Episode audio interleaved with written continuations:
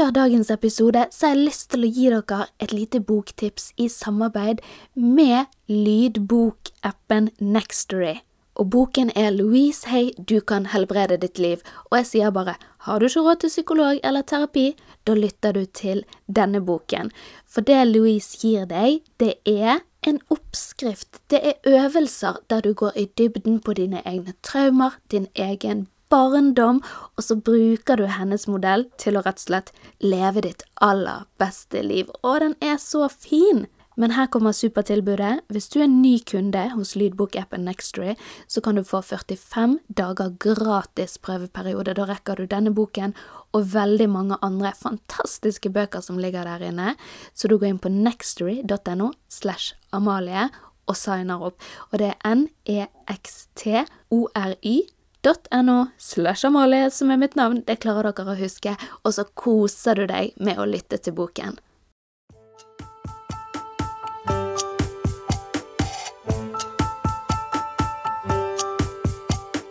Vet du hva, Amalie? Få høre. I dag når eh, syvåringen kom hjem fra skolen, så sier hun 'Mamma, lever du i fremtiden din?' Nei.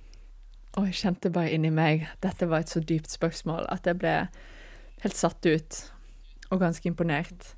Og så sa jeg 'Hva mener du med det, da?' Bare 'Nei, lever du i fremtiden din?' Og så sa jeg at ja, det er jo, litt vanskelig å svare på det der. Alle lever jo i sin nåtid og har sin fremtid foran seg. Så spørs litt hvordan du ser på det, da. Men så fant jeg Ja. ut at de hadde eh, I et av fagene i dag, da, så hadde de tydeligvis skulle tegne et eller annet fra, for, fra sin fremtid. Så hun hadde tegnet et hus som hun skulle ha i fremtiden sin. Oi. Så det var det, tror jeg hun tenkte på, at på et eller annet tidspunkt har jeg òg vært en liten jente som har tenkt tanker om min fremtid. Og så lurte Ja. hun på lever du den nå. Oi, ja. Jeg syns det var så bra, og så fikk det meg til å tenke liksom at hvordan jeg så for meg livet mitt når jeg var sju år, sant, og alle de tankene jeg hadde mens når jeg vokste opp om hvordan livet som, skulle bli som voksen. Og så reflekterte litt over det. Sånn, ok, lever jeg det livet som jeg så for meg når jeg var sju år, eller når jeg var ti, eller 14? Ja, gjør du det? Jeg gjør vel egentlig det, på mange måter. Og så blir jo ting annerledes enn man hadde trodd, og man tar eh, veier man ikke trodde man skulle ta. og Altså med stort sett så føler jeg at jeg lever fremtiden som jeg hadde når jeg var sju, da. Yes. Men det var veldig interessant at hun liksom bare Og så, noen timer seinere, så spør hun mamma, hva er amygdala? så bare Oh my God, this is my time to shine. Ja. Fikk forklart henne om amygdalasenteret inni hjernen, og hva det er, og hva det betyr, og hva det kan utløse, og alt sånt. Nei, hun her skal leve ut drømmen min om å bli lege. Oh, det vet ikke jeg engang. Det er litt sånn der eh, mandelformet lite senter midt inni hjernen som styrer liksom sterke følelser, sinne og aggresjon og sikkert mye mer som jeg ikke eh, kan, sant. Det er ikke sikkert at jeg gir den helt nøyaktige legebeskrivelsen her, men den i hvert fall sender ut signaler på hvordan du skal reagere på en situasjon, og så kommer jo da frontallappen, og den er ferdig utviklet, og bare hei, hei, hei, hei, Ja. vent litt. Nå bremser vi litt, grann. men den er jo ikke ferdig utviklet før man er 25. Det er jo ofte man, derfor man liksom eh, reagerer på impuls og Ja. alt dette her, da. Men da, det var sånn ser så mye gøy på denne iPaden, altså. altså. Det er ikke bare dumt, liksom. Hva er det, hva program er det hun har sett? Jeg vet ikke hva det var, faktisk, men hun ser på et eller annet eh, om kroppen min på NRK Super, vet oh, jeg. ja. Og de tar for Ja, seg ja, alt ja. mulig. Så hun kommer jo stadig med sånne forklaringer på ting. Så bare ja, det stemmer faktisk. Veldig bra. Ah, shit, NRK, ass. Mhm. Det er ikke dumt. Men herlighet, liksom får et spørsmål, eller også litt kult at de faktisk sitter på skolen og gjør det sånn. Jeg kan jo huske at vi òg gjorde det, men at man tar det med seg hjem og reflekterer over det, bare lever du ifra? Altså at man blir litt nysgjerrig på, på Mm. framtiden. Det er jo helt utrolig. For jeg har ikke anelse om hvilken framtid jeg så for meg egentlig da jeg var liten. Nei. Men det er jo sikkert fordi jeg så ikke for meg så sinnssykt mye lister når, eh, etter min mor døde, så klart. Men før den tid så husker jeg bare at jeg ikke tenkte noe særlig over det. Det var sånn Ja, jeg hadde lyst til å bli advokat og hjelpe folk og være i, i rettssaker og være sånn veldig eh, kul og smart dame, da. Det var, Mm. det var det. Men ellers var det jo ingen sånne ja, framtidstanker. Nei. Det er ikke sikkert at hun eh, tenkte Altså at det var bare den oppgaven de fikk, de skulle tenne huset sitt i fremtiden. Men det fikk meg i hvert fall til å Ja. tenke, da. Ja. Og det er jo det, Altså, det, det er litt art, det er så rart, egentlig, at det, det spørsmålet kom i dag. For det, det er faktisk akkurat dette jeg har tenkt veldig, veldig mye på i det siste. Og det har jo jeg sagt til deg òg. Jeg skrev til deg en melding, og så skrev jeg at du har vært i dumpen, er i dumpen, jeg har vært i dumpen. Men hvor var det vi begynte når vi begynte denne podkasten? Jo, vi begynte jo med at vi snakket mye om kall. Vi snakket mye om det at man ikke helt liker den man er. Og så har vi jo hatt en slags sånn her forståelse for at det blir en reise som vi skal gjøre, og som lytterne skal ta en del av. Og så skal vi se ok, hvor, hvor ender vi, hvor går vi, hva klarer vi å endre? Og nå har jeg lyst til å komme meg liksom tilbake i den der rette filen i forbikjøringsfeltet, da, etter å ha hatt en sånn nedeperiode. Fordi det er jo ikke sånn at man blir ferdig med dette her.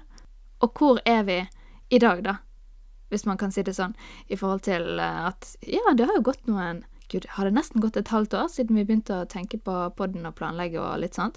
ja, det hadde i hvert fall. Det var nå i april vi begynte å planlegge dette her. Jeg har tenkt det. Mm.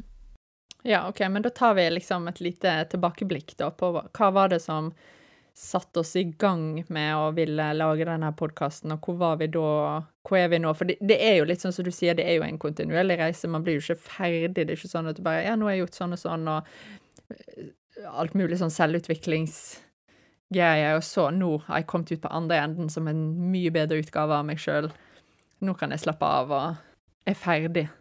Ja, fordi, som jeg har sagt sikkert flere ganger før i denne podden, at jeg tror virkelig at det vanskeligste vi gjør, det er å endre oss. Og så er det det vi tenker skal være så lett og så enkelt, og så er det bare Det er så dønn vanskelig. Og jeg, det som jeg Jeg hørte Jeg har jo lest Joe Dispenza sin 'Becoming Supernatural', og det var jo den boken jeg ga til deg, og der vi begynte å diskutere sånn OK, skulle vi ha laget podkast? Ja. Så kjøpte jeg, når jeg kjøpte den, så kjøpte jeg også en bok som han har skrevet som heter 'Breaking the Habit of Being Yourself'. Litt sånn her tyngre tittel, kanskje. Gir den til en venninne. Hun er kanskje ikke helt på akkurat det planet, så hun har bare hatt den i hyllen sin, og jeg bare tenkte sånn Kanskje jeg bare skal spørre om å få den tilbake, og liksom begynne å, å, å lese litt i den, fordi jeg, jeg ble så ekstremt inspirert av den Becoming Supernatural-boken, da. Men så har jeg hatt et sånn samarbeid, eller har et samarbeid med Nextory, som er sånn eh, Ja, nå blir det nesten en annonse-warning her, men som er en sånn lydbokapp, så jeg begynte bare å høre på den på lydbok. Oh, ja. Og jeg kjente bare det strømmet på igjen med motivasjon og med energi, og bare sånn OK, nå skal du komme tilbake i rutinene dine. Nå skal du rett og slett klare å komme tilbake, ja, i forbikjøringsfeltet.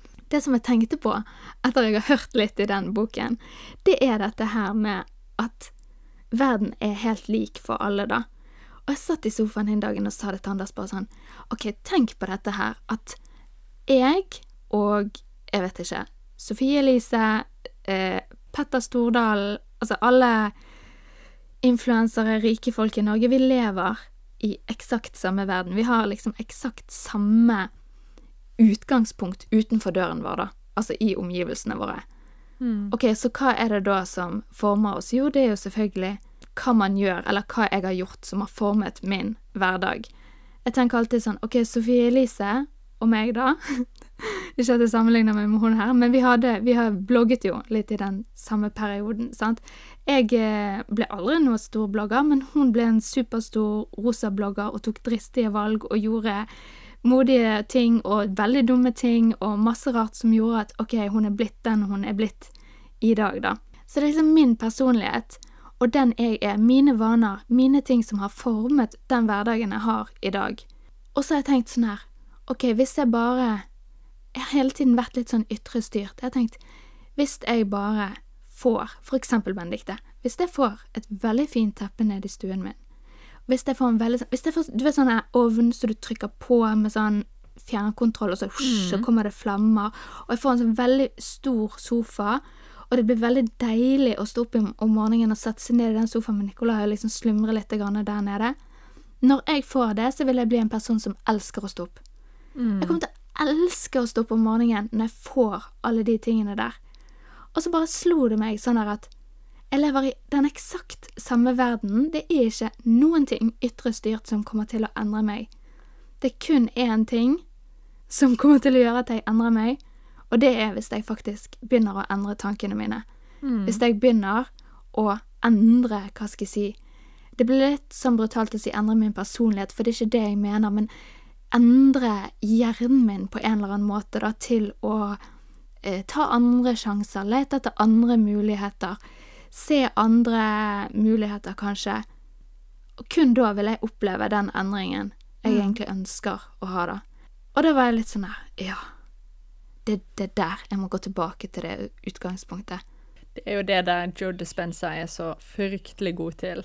For du blir Ja. supermotivert av å lese og høre de bøkene, fordi at det er det det handler jo om. Det er tankene dine, hvordan du ser på ting, hva du tenker om ting, hvilke vaner du tillater deg sjøl å lage. Og det er både så enkelt og så vanskelig, sant. Fordi at Ja. det er ingenting som er vanskeligere enn å endre måten å tenke på. Men jeg er helt enig, det er ikke de ytre tingene, sant. Og det Hin dagen så hadde jeg en samtale med samboeren min, og han bare 'ja, men hva er det du jager i?' For det er litt sånn, jeg er litt stresset sant, hele tiden, og det er alltid noe vi ikke rekker, og alltid noe vi har dårlig samvittighet for, og bare vi blir ferdig med det huset, så blir det bra, liksom. Men han bare, men, men livet er jo nå, selv om vi holder på å pusse opp et hus. Livet vårt begynner jo ikke om to måneder når vi er ferdige og flyttet inn, liksom. Det er jo nå, så du må liksom må ikke hele tiden være i fremtiden, da, i tankene dine, men her og nå. Eh, men det var litt sånn på siden, da. Men, eh, men der er Det der med tanken og hvordan man ser på ting, er jo så utrolig forskjellig fra person til person òg, sant. Det er jo derfor noen er liksom supergode på å takle stressede situasjoner, fordi de ser ikke på den situasjonen som stresser. De velger av vane å ikke se på den situasjonen som stressende, eller dette her som vanskelig, eller dette som en umulig oppgave å løse. Bare sånn, ja, ja, det var nok en ting, liksom, sant, og, og de har et helt Ja. annet eh, syn på ting. Det er derfor vi mennesker er forskjellige, fordi vi tenker forskjellig. Nei, det var vel du som minnet meg på dette her med at vi har Er det 60 000-70 000 tanker hver dag, hver dag? Var det noe sånt? Ja, ja hvis ikke det er mer. Ja, jeg mener kanskje jeg har hørt 80 000, men Ja. la oss si Vi tar en liten ballpark inni der. Og 90% av de er faktisk gjentagende. Selvfølgelig er det da ingenting som endrer seg hvis du egentlig bare tenker eksakt de samme tingene. Og jeg skjønner jo det. Det er jo veldig frist. Altså sånn OK, nå skjer dette her. OK, det har skjedd med meg 500 millioner ganger før. Jeg bare reagerer på samme måte. OK, nå skal jeg inn der. Der blir jeg alltid stresset. OK, før du rekker å tenke deg om, så er jo du allerede klar for å egentlig være stresset, da.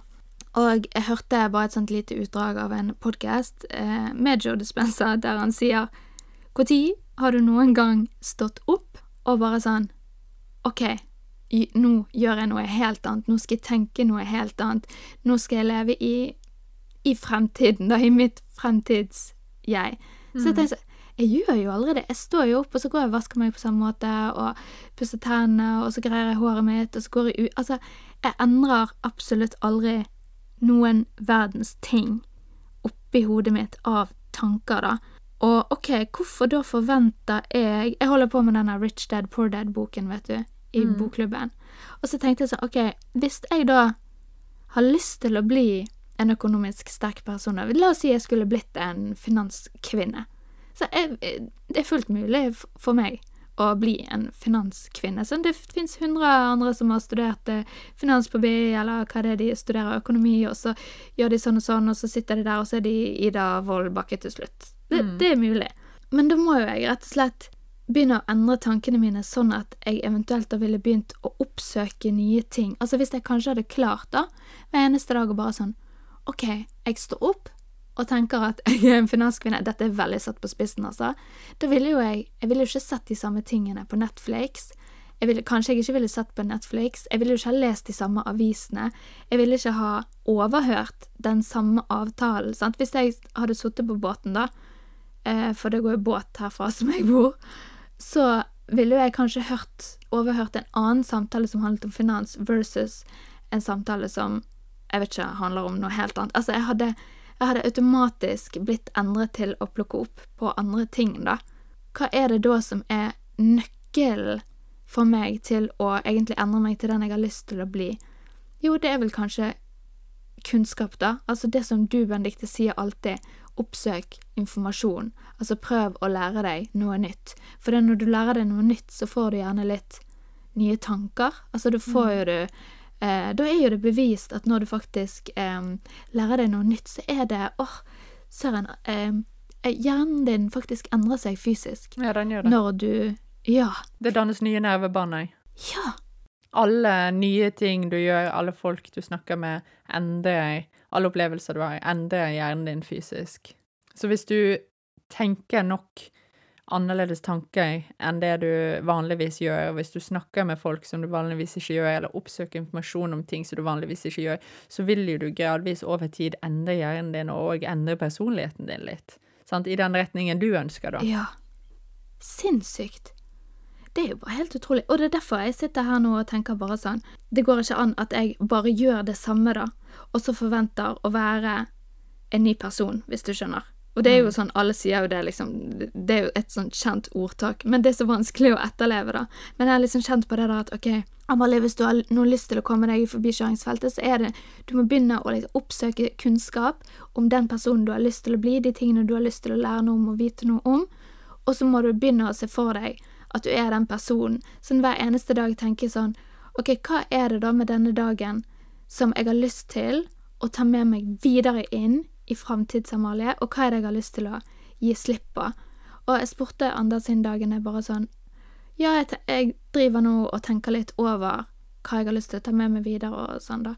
Og så sa jeg hva, hva har du lyst til å ta med deg videre, og så spurte han meg, og så var jeg litt sånn ok, dette har jeg lyst til å ta med meg videre, at jeg har gjort alle disse gode tingene, og disse har jeg ikke lyst til å ta med meg videre, og det er særlig dette med å stresse over middager, altså helt sånne basic ting, da, at jeg scroller for, mye, for mye på telefonen alt det der, men da fikk jeg litt sånn her, ok, hvis jeg klarer nå da å spørre meg sjøl litt grann hver dag om hva jeg vil ha med meg til neste dag, og hvis jeg klarer å komme inn i rutinen med meditasjon, og hvis jeg klarer å søke kunnskap, så vil jeg kanskje ja, komme meg litt inn på rett bane igjen, da. For nå føler jeg at jeg bare øh.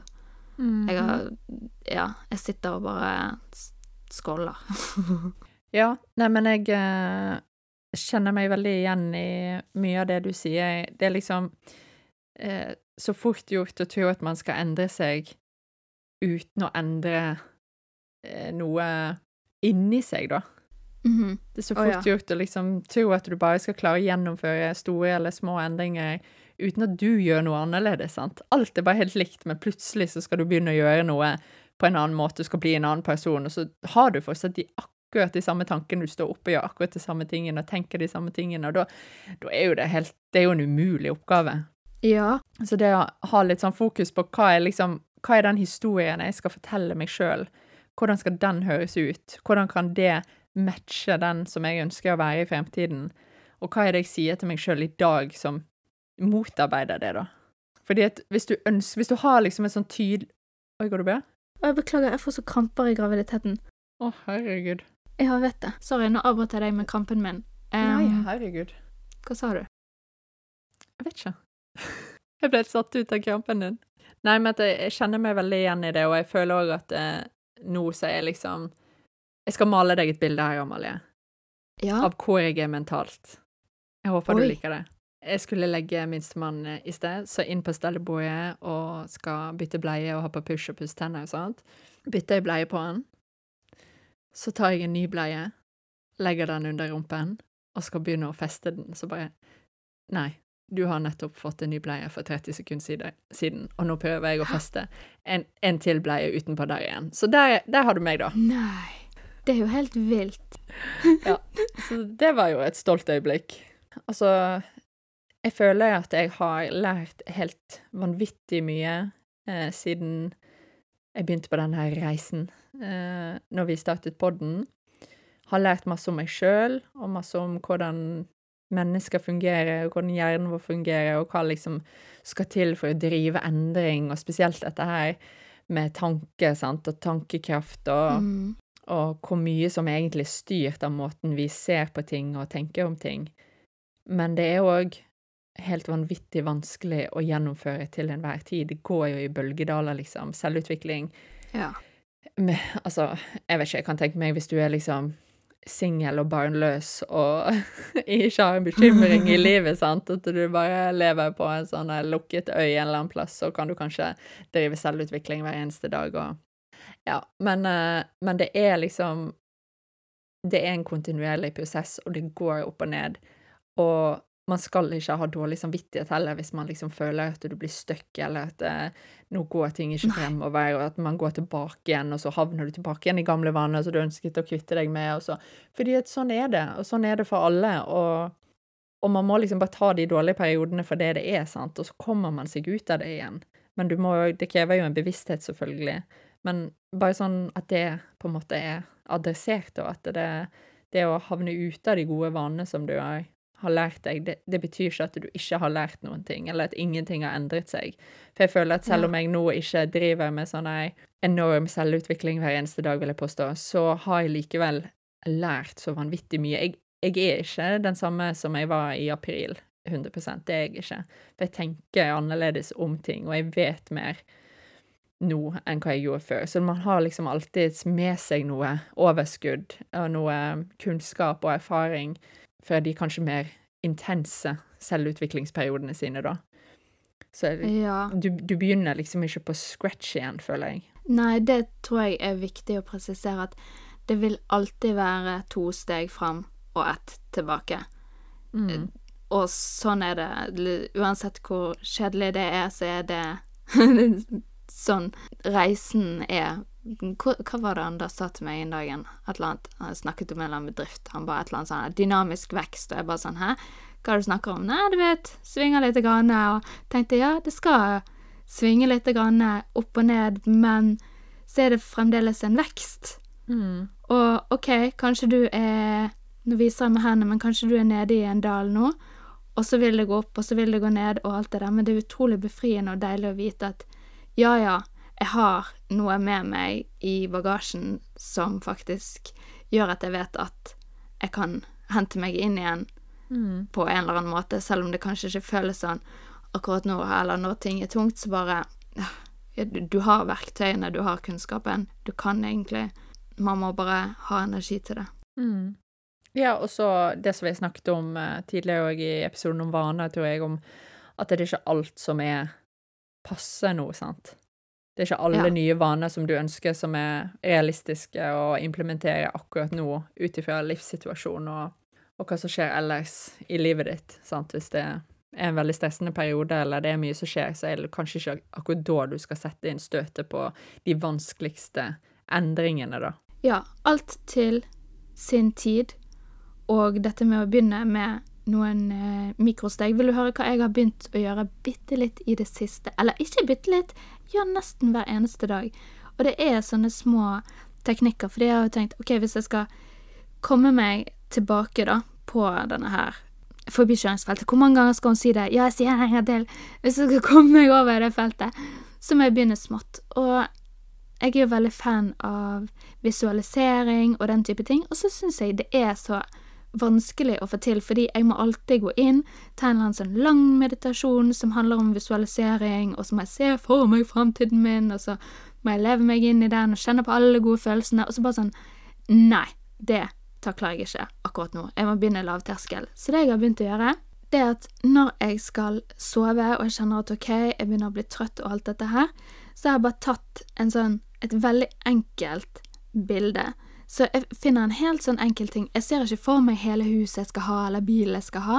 Jeg ser bare for meg at jeg ligger på et soverom, og dette soverommet det er veldig stort, og det er veldig malt i sånn beige farger, akkurat sånn som jeg vil ha det. Det er en veldig stor seng, og det er veldig sånn eksklusivt og dyrt teppe på dette gulvet. Sånn at jeg vet mentalt at dette er en del av et mye større hus, og at det representerer noe større, men alt jeg trenger å tenke på, det er at jeg ligger enten i denne sengen eller på dette teppet, da. Og ofte så pleier jeg bare å legge meg ned på teppet, for det, det er et veldig dyrt teppe, skjønner du.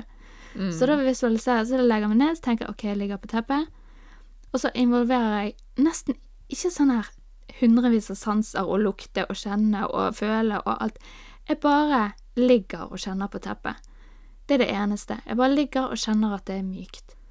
Og that's it. Og da har jeg på en måte visualisert meg inn i ja, et framtidshus og en god følelse, og så gir det meg muligheten til å være trøtt, sant? Fordi, eller avslappet, eller bare hvis jeg hadde sittet på venterommet på legekontoret, altså, det hadde krevd null tankekraft fra meg å sette meg inn på det rommet, da, istedenfor Mm. rommet jeg er i, på en måte. Så det har vært min sånn lille visualiseringsteknikk i det siste som jeg har bare følt at virkelig, ja, faktisk fungerer, da, og ikke krever noe særlig av meg. Nei, men Det høres jo veldig lurt ut at du liksom har funnet en teknikk som gjør det gjennomførbart i hverdagen din, fordi det kan jo bli litt sånn voldsomt hvis du må liksom rigge til så veldig om du setter av en halvtime Ja, ja, ja. til ting. Altså, det blir jo tiltak, og det blir styrete, så det òg jeg er jo veldig fan av å prøve å liksom gjøre ting enkelt for seg sjøl, og det trenger jo ikke Mhm. være Veldig ofte så ser vi på andre hvordan de gjør det. sant? Sånn, å, jeg må gjøre det på den måten for å liksom få den effekten, og jeg må gjøre det sånn som hun gjør det, eller sånn som han gjør det, og de gjør i disse stegene her. Men du må jo nesten Du må jo bare finne din egen måte å gjøre ting på. Jeg snakket med ene tanten min i helgen, og hun skjøt sånn av podden. På sånn, jeg har hørt på Jeg har ikke kommet meg gjennom absolutt alt, men jeg har hørt nesten alt, og det er så fint, og de skal ha skikkelig cred for at dere tør å liksom pirate så ufiltrert, og det var veldig, veldig hyggelig. Og så sier hun at ja, jeg har jo, jeg har jo eh, egentlig yoga som min meditasjon, og det føler jeg at det er liksom det er der jeg får slappet av og hentet energi og liksom kom i kontakt med meg sjøl. Sånn, ja, og det er jo kjempebra at du har liksom funnet din ting Ja. som funker for deg, sant? Og jeg håper jo Ja. ikke at folk føler at når vi snakker om ting, så er det liksom oppskriften, og sånn må du gjøre det, og alle må meditere. Nei, men meditasjon for oss representerer jo en måte vi får hentet energi og får slappet av på og komme i kontakt med oss sjøl, men det kan jo Ja. være noe helt annet for noen andre, sant? Mhm. I helt andre former. Ja, så det, så det er liksom så viktig at man finner ut hva er det jeg kan, ja, vil prioritere å bruke tiden på, da. Ja, og det er et veldig godt poeng. Fordi du kan egentlig Eller det jeg tror på, da, er at du kan egentlig gjøre liksom hva som helst, altså finne den retningen som funker for deg, så lenge du har et mål. Altså så lenge du litt sånn har en visjon, så lenge du faktisk klarer å tenke litt større enn i, bare Åh, det hørtes litt sånn flåst ut, men det jeg mener, altså ja, Så lenge du klarer å tenke utover eh, de ytre omgivelsene dine, da. Sant? Hvis du liksom går hele dagen og bare OK, du lar deg styre av at samboeren din er litt sur på morgenen, og så går det utover hele resten av dagen din. Hvis du lar deg styre av at du ikke får gjort de tingene, eller at du blir for sein. Altså hvis du lar alle de ytre tingene bare styre deg, da taper du på en måte. Men hvis du har denne ene tingen da, som gir deg litt sånn her, ok, er det yoga, er det meditasjon, samme hva, som gir deg muligheten til å bare tenke sånn, ok, men dette er den dagen jeg ønsker meg, dette er min visjon, dette er min framtid, dette er mitt humør. Ok, jeg klarer å nullstille meg tilbake til det, da, for det, ellers så vil jo det bli Ellers så vil jo det sette seg. Ellers så vil du bli så ekstremt ytre styrt, da, hvis du ikke klarer å ha ro i deg sjøl. Og det kan jo man tenke på fra de helt små tingene i hverdagen, sånn ok, hvilken hverdag vil jeg ha, til de helt sinnssykt store tingene, som at ok, jeg har lyst til å endre totalt karrierevei, for eksempel, og så kommer noen og sier til deg, ja, men det er ikke det litt ballsy, ok, men, men du har din visjon, da. Jeg har prøvd å lese meg litt oppe på Jeanne d'Arc, altså hun eh, franske nasjonalhelten. Og bare fordi jeg syntes at det var litt interessant, dette her med å klare å tenke at dette er den framtiden jeg skal ha. Og for å ta en kjapp gjennomgang for lytterne. Fordi jeg har aldri Jeg husker jo vi lærte om det på skolen, men du vet, hva, hva husker du av det der? Så jeg måtte lese det på nytt igjen. For hennes far var jo bonde. Og når hun var 13 år gammel, så fikk hun et kall. Og det har vi jo snakket om før. Så hun var 13 år, og hun var helt overbevist om at hun, lille jenten, skulle hjelpe Frankrike sin konge mot fiendene. Og så sier foreldrene selvfølgelig nei, nei, nei, du, det går ikke an. Men fire år etterpå så har hun på en måte vært så standhaftig og vært så opptatt av at dette er et kall, da. Så når hun er 17 år gammel, så klarer hun jo å komme seg inn og få en eh, kommando over en sånn liten tropp. Og så eh, har hun denne store seieren, da, der hun liksom vinner over engelskmennene. og engelskmennene, de var jo uovervinnelige, sant. Det var jo ingen som kunne slå de, og til slutt så blir hun brent på bålet av engelskmennene, da. Men poenget er bare det der at du har altså et 13 år gammel jente som er datter av en bonde, som bare får et kall, og som har en visjon, og som klarer å ikke bry seg om hva noen andre sier, men klarer å følge det kallet på en måte. Og det er ekstremversjonen, selvfølgelig, altså det er jo helt sinnssykt. Men, men, når du tenker på det, så er det bare sånn Jøss. Yes, mm. det, det, er faktisk Når du tenker stort, og du er bestemt på det, og du klarer å endre tankene dine, og du klarer å se for deg at 'jeg skal faktisk slå disse engelskmennene her', og så får hun det til, og så blir hun en nasjonalhelt Nei, da, da blir jeg litt sånn Jøss, yes, OK. Ha tro på tankene dine. Amalie, dette, dette, skal gå bra. Du skal klare å, å, endre hverdagen din hvis noen andre har hatt så sterk tro på sine tanker, da. For det, sant, hennes forutsetninger, det var jo òg samme som bonde, kvinne, på den tiden. Mm. Så nei, jeg syns, syns, det var litt spennende. Ja, det der er superspennende. Jeg eh, eh, Når du satt og fortalte den historien, så kjente jeg at det ble litt sånn Jeg følte meg litt sånn eller når du sa det der med å la seg bli styrt av det ytre, så følte jeg meg veldig truffet. Fordi jeg eh, lar meg veldig ofte styre av det ytre. Og spesielt når jeg er i stressede perioder, når jeg ikke har tid ja. til Eller ikke tar meg tid til meditasjon og liksom sjekke inn med meg sjøl og tenke alle disse tankene om hvem hvordan er det jeg vil at min hverdag skal være og sånn. Når jeg er litt sånn i de, sånne perioder, så lar jeg meg styre av alt det ytre, sant. Ja. Så er det en unge som velter et glass, og så er det en hund som har løpetid, og som blør utover gulvet. så er det rotete, jeg har ikke fått vasket Altså sånne, bare sånne småting som ikke betyr noen ting, det kan liksom mm. snu dagen, da. Bare sånn fy faen. Ja. Vi lever i et kaos, og alt er bare dritt, og ingenting liksom funker, og alt er bare helt sånn. Så det, det kjente jeg veldig på når jeg var inne i en supergod rutine med meditasjon, at da klarte jeg å la være å la Eller i mindre grad la de ytre, ubetydelige tingene styre meg, da. Ja. Og påvirke meg så voldsomt som det kan gjøre i enkelte perioder. Eh, men jeg merker òg med, med, folks eh, Folks meninger om ting kan òg påvirke meg eh, ganske mye hvis jeg ikke er nok selvbevisst, da.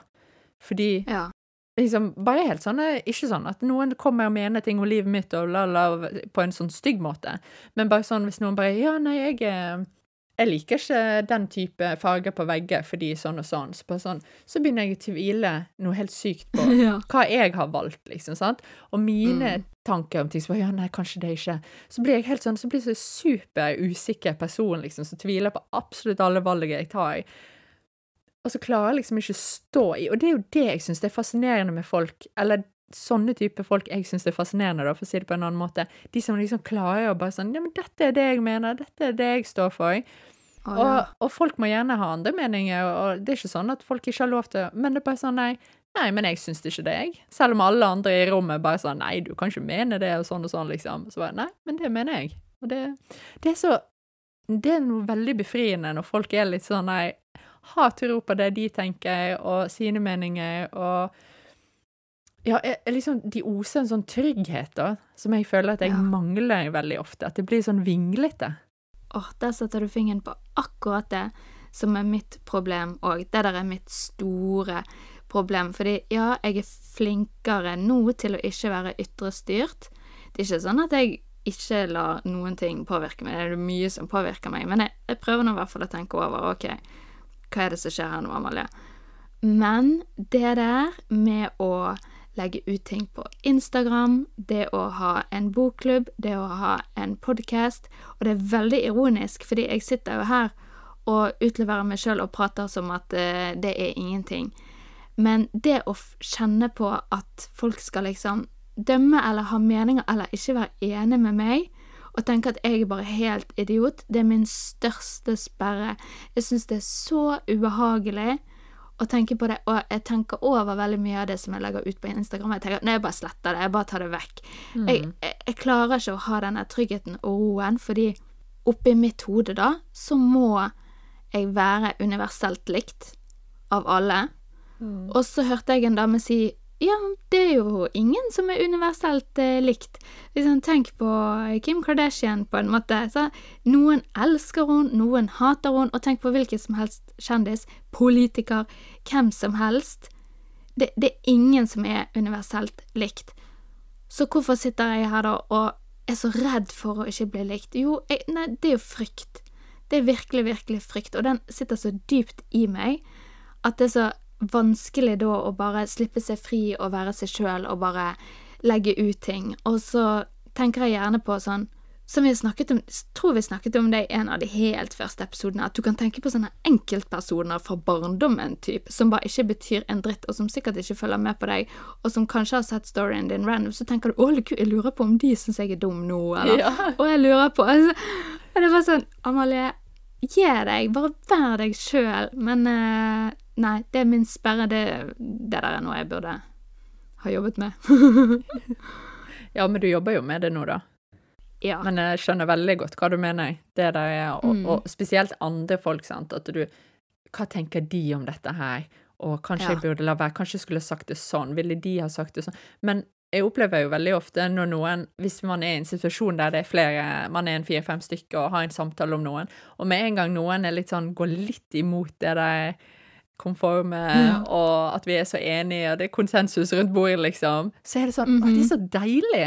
Så da tenker jeg ofte sånn her Søren, kanskje jeg ikke skulle bare nikket og, og jattet med i sted, men heller sagt det, liksom. For det er jo jeg helt enig i. Hvorfor tørte ikke jeg å si det? Og nå er ikke det snakk om noen sånne voldsomt sånne kontroversielle ting, liksom, men bare sånn. Bare vær deg sjøl litt mer. Ikke Ja. jatt med hele tiden. Den er fin. Og, og den eh, prøver jeg òg å jeg, jeg kjenner at jo lenger jeg går inn i den reisen som vi er på, jo lettere har jeg for å bare si litt sånn her noen av de enkelte tingene som jeg var veldig flau da for å snakke om før.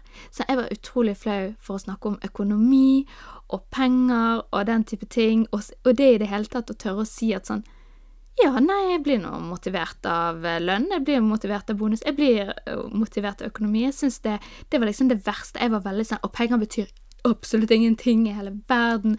Alt handler om liksom lykke, kjærlighet. Altså, jeg var helt der. Og så bare sånn Gud, for noe tull du driver og prater om. Sånn, du går jo og tenker på hva du har lyst til å kjøpe hver eneste altså, Og så skjerp deg, liksom. Men nå har ikke jeg Det var akkurat som de sperrene for å si de tingene som er den ekte meg. De bare fader i hvert fall, i det minste litt mer vekk, og jeg tør å bare si sånn Ja, men jeg, jeg er opptatt uh, av dette, og jeg syns dette er kult og gøy, og Ja, og det er jo sikkert, som vi snakket om i forrige episode, altså, det er jo sikkert òg en aldersting med at man blir litt tryggere, og man blir litt sterkere psykisk, og alt dette her, men, men jeg tror òg at det er takket være den jobben man faktisk har gjort med å liksom bli kjent med seg sjøl og bare klare å stå for den man er når man er med seg sjøl alene, men òg ute blant eh, folk, da. Og så ikke det perfekte ennå, men, men eh, det er godt å se at linjene blir i hvert fall litt mer ja, vasket ut. Mm. Herregud, jeg må fortelle en, eh, en historie fra gamle jobben min. Eller ikke en historie, men sånn som det var da. Sånn som jeg opplevde det. Ja. Så var det veldig sånn eh, I lunsjen så opplevde jeg at du Det var liksom ikke aksept for å si at man så på reality-TV. det, det var veldig sånn Sånn bare tatt for gitt at her er det ingen blant oss som ser på reality-TV, liksom. Det snakker ikke vi om. Her ser vi på Urix og Ja, og Dagsrevyen, liksom, og ikke noe sånn tabloid, og ikke reality, og, og, og så bare Jeg observerte det, og følte at jeg var veldig fascinert av at det Fordi det virket så fake. Det virket som at folk liksom Jeg er sikker på at det satt folk rundt det bordet som bare sånn var guilty as charged, eh, og så på reality, og det gjorde ingenting i veien med, men det var bare sånn nei, ingen som tørte å bare Jeg ser noe på Farmen, eller jeg ser på det, og og så ta det for det det er billig underholdning, liksom. Og du trenger jo ikke Ja. være et dårlig menneske fordi du velger å se på reality. Det var, det var så fascinerende hvordan det der utspilte Yes. seg. Det var et sånn sosialantropologisk lite studie der i, Ja. i kantinen, altså. Det var fascinerende greier. Nei, gud, så spennende. At, også at vi blir så lett liksom påvirket At det blir så skummelt å være den som, ja, skiller seg ut. Og det er jo noe som sikkert alle også har hørt, at dette med at veldig mange heller vil dø enn å gå opp på en scene og prate offentlig. Og det Og så tenker man å ja, ok, det er skummelt å prate offentlig. Men så leste jeg at det egentlig bunner i frykten da for å skille seg ut, og frykten for å si noe som de andre nødvendigvis ikke er enig i, eller syns er rart, eller de syns at du er teit, eller de ser på deg og liksom dømmer deg og bare sånn Hm, hva er det du gjør der? Sant? Det er ikke nødvendigvis sceneskrekken, men det er det at alle disse menneskene i den salen skal sitte der og tenke at du er annerledes av et eller annet du sier, gjør, eller feil, eller et eller annet sånt, da. Og vi vil heller dø enn å, enn å gjøre det. Altså, det er jo ikke det rart man sitter og bare jatter med og bare mhm, ja, jeg ser på, også på Urix. Ja. Absolutt. Hver eneste dag. Og det som jeg òg har, har eh, tenkt litt på i det siste nå når det gjelder liksom komme tilbake til endring og alt dette her, det er jo egentlig dette med at, som eh, meg og deg òg har snakket om før, at hjernen min vet jo egentlig for, ikke forskjell på indre og ytre, altså det som skjer. Så hvis jeg går og stresser meg opp da for et eller annet som har skjedd, eller noe som skal skje, eller et eller annet, så vil jeg egentlig hva skal jeg si, det, det samme vil skje i kroppen og i hjernen min som en slags miniversjon da av det caset som faktisk kan oppstå eller har oppstått, og at jeg skal bli litt mer bevisst på bare OK, men ikke heng, ikke lev i, i de der småtraumene eller de tingene du gruer deg til, da, for det, er det òg kan ha en innvirkning på dagen din, og ikke la det forme deg. Og jeg husker veldig godt Jeg har sånn jeg har veldig få episoder på en måte som jeg er sånn virkelig sånn flau over at jeg har gjort, men én dag, da, for veldig, veldig mange år siden, var før jeg ble mor, og jeg var skikkelig stresset Det var jo en helt forferdelig mm, periode i livet mitt. Så skulle jeg altså gå tur med hunden. Og så var det da en dame som Hun kjeftet på meg for eh, Jeg prøvde Fordi hun holdt på å sette opp hundene til å liksom løpe i sånn derre Hva heter det? Løpe i et spann. Og jeg, de var veldig nysgjerrig på min hund, de to hundene, og min hund var jo selvfølgelig veldig nysgjerrig tilbake. Og jeg så at hun var veldig, veldig opptatt og liksom prøvde å få det til, og jeg hadde absolutt ikke lyst til å forstyrre, så jeg liksom prøvde å på en måte dra han med meg forbi, men det var utrolig smal vei, da. Så jeg prøvde å dra hunden liksom med meg forbi og bare 'kom igjen, kom igjen'. Og så ser hun bare opp meg, og hun var jo sikkert også veldig stresset, og så bare skriker hun til meg 'kan du bare gå videre'? Og jeg bare sånn Jeg, jeg prøver, liksom. Bare sånn. mm. Og, og så gikk jeg hele den turen da, og på en måte aset meg opp. Og jeg ble sintere og sintere på henne, og jeg tenkte sånn åh, vet du hva, hvis jeg ser henne igjen, så skal jeg bare si sånn Du, vet du hva, jeg prøvde faktisk å gå forbi, og hvorfor kjeftet du? du det en, og dette var liksom en lørdagsmorgen, jeg hadde liksom stått opp tidlig for å gå, det var sånn veldig koselig, fin dag, så jeg egentlig prøvde å gjøre veldig fin. Og jeg bare sånn Den situasjonen var over for lengst, men jeg fyrte det opp i hodet mitt så sinnssykt. Og hva skjer når jeg kommer ned fra det fjellet? Jo, hun står der. Og jeg har jo altså da brukt Jeg vet ikke, jeg. Og da var du mer klar? enn en time på å fyre meg opp oppi hodet. Jeg var så klar. Og jeg kjente bare Og jeg eksploderte på henne. Oi. Jeg bare sånn, det, Og det begynte rolig. Det begynte liksom med 'Vet du hva, du, jeg prøvde å gå forbi', og hun bare 'Å, beklager, men eh, du, du, du, du, et eller annet'. Og så er jeg bare sånn Fyrte løs videre. Og så bare ga jeg meg ikke. og jeg vet liksom ikke hvorfor. Og til slutt så bare endte jo med at jeg bare sånn Du er helt forferdelig, og for en oppførsel å ha, og jeg håper ikke dine barn Jeg håper ikke du, dine barn ser at du snakker til randomme folk som bare går på en fin eh, morgentur her på en lørdag sånn som det der, for det der er helt uakseptabelt. Altså sånn sa jeg dette er mange år siden, altså. Men jeg har liksom bare tenkt på det sånn her Hva som kan skje, da? Hvis du går og fyrer deg opp over ting eller hendelser, hvor fatale konsekvenser det kan få. Så stakkars hun damen. Herregud. Men hun ble jo sur tilbake, da, og var jo helt jævlig tilbake, så det er jo greit nok. Men, men det er bare sånn her Eskalering, det skjer oppi hjernen din, altså, og så uh, har du gjort deg klar. Ja, ja, det er det så typisk. Situasjonen er jo ofte 100 ganger verre oppi din egen hjerne enn det den faktisk er. Ja.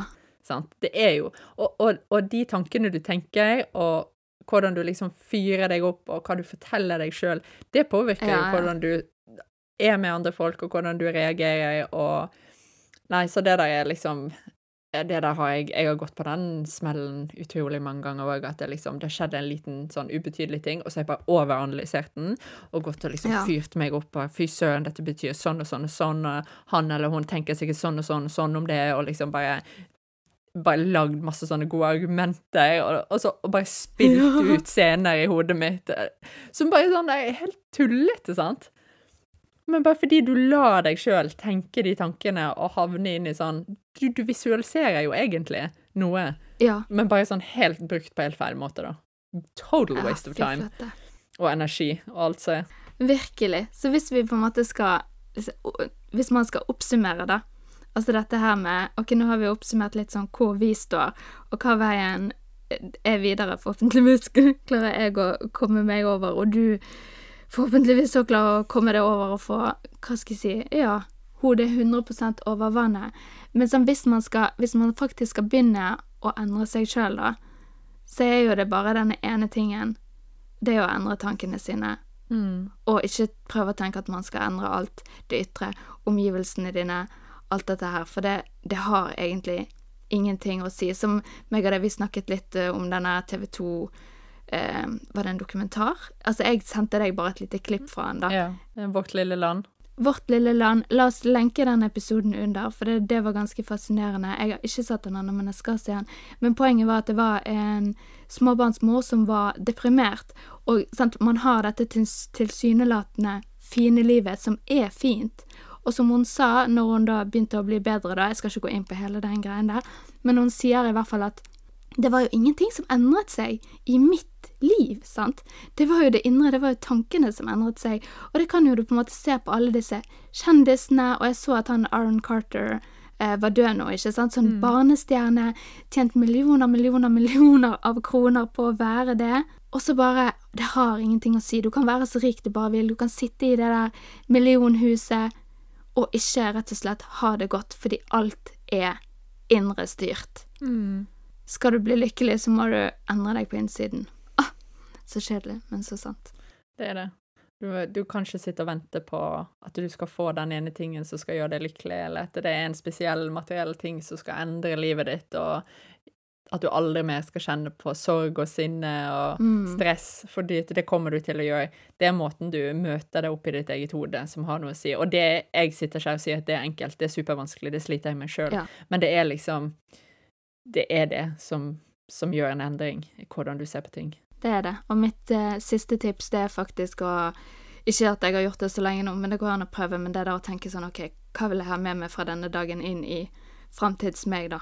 Hva har jeg lyst til å ta med meg videre til i morgen? Det er faktisk ja, et fint sted å begynne, kanskje. Mm. En ting som jeg eh, faktisk har blitt bedre på, som jeg gjør ganske ofte, det er hvis jeg vet at denne dagen her kommer til å At jeg skal ting som lett gjør meg stresset. Ja. Så prøver jeg å si høyt til meg sjøl, enten i speilet eller i bilen eller et eller annet sånn. Trenger ikke å være så veldig langt, men bare sånn Dette her kommer til å bli en bra dag. Fordi jeg skal sånn og sånn, og det kommer til å gjøre at jeg liksom vet mer, jeg er mer forberedt, jeg vet Altså jeg kommer ikke på noe godt eksempel, da, men hvis du liksom du vet at nå skal du ting så du i utgangspunktet ville tenkt sånn åh, gleder meg til denne dagen er over, så prøv å finne et eller annet positivt med det, sant? og si det høyt til deg sjøl, for det høres så tullete ut, og man har jo hørt det mange ganger, at du skal si i speilet at eh, 'dette blir en bra dag', og Ja. 'jeg er så fantastisk', altså, men det har faktisk en effekt, da, hvis man gjør det ofte nok, liksom, fordi da vil automatisk hjernen din endre seg litt. Du vil endre innstilling til den tingen som du før syntes var liksom åh, kjipt. Ai, ai, ai. Ja, og tenk det at hvis du begynner å visualisere deg et annet liv eller andre utfall av ting, så vil faktisk hjernen følge etter og begynne, som du sier, å lage nye nervebaner som forbereder deg på ditt nye liv. ikke det er rart? At hvis du begynner å tenke at du er en rik person, så vil hjernen begynne å skape nye nervebaner som bare eh, forbereder deg på å bli en rik person. Eh, Det er helt fascinerende. Eh, nei, det er noe å ta med seg videre. Men da tror jeg vi skal si ciao, ciao. Og så høres vi på fredag i Minifugl. Ja, det blir hyggelig. Og i mellomtiden løper man inn på Instagram, følger Lifefuel Podcast Og gjerne del podkasten med en venn hvis du finner noe spennende i en av episodene. Så del med noen. Det hjelper jo også. Spre ordet til folket. Og del det gjerne på Instagram eller Snap, så andre ser det. Enn din gode venn. Ja. ja! Veldig godt tips. Vi snakkes. Ciao, ciao. Ha det.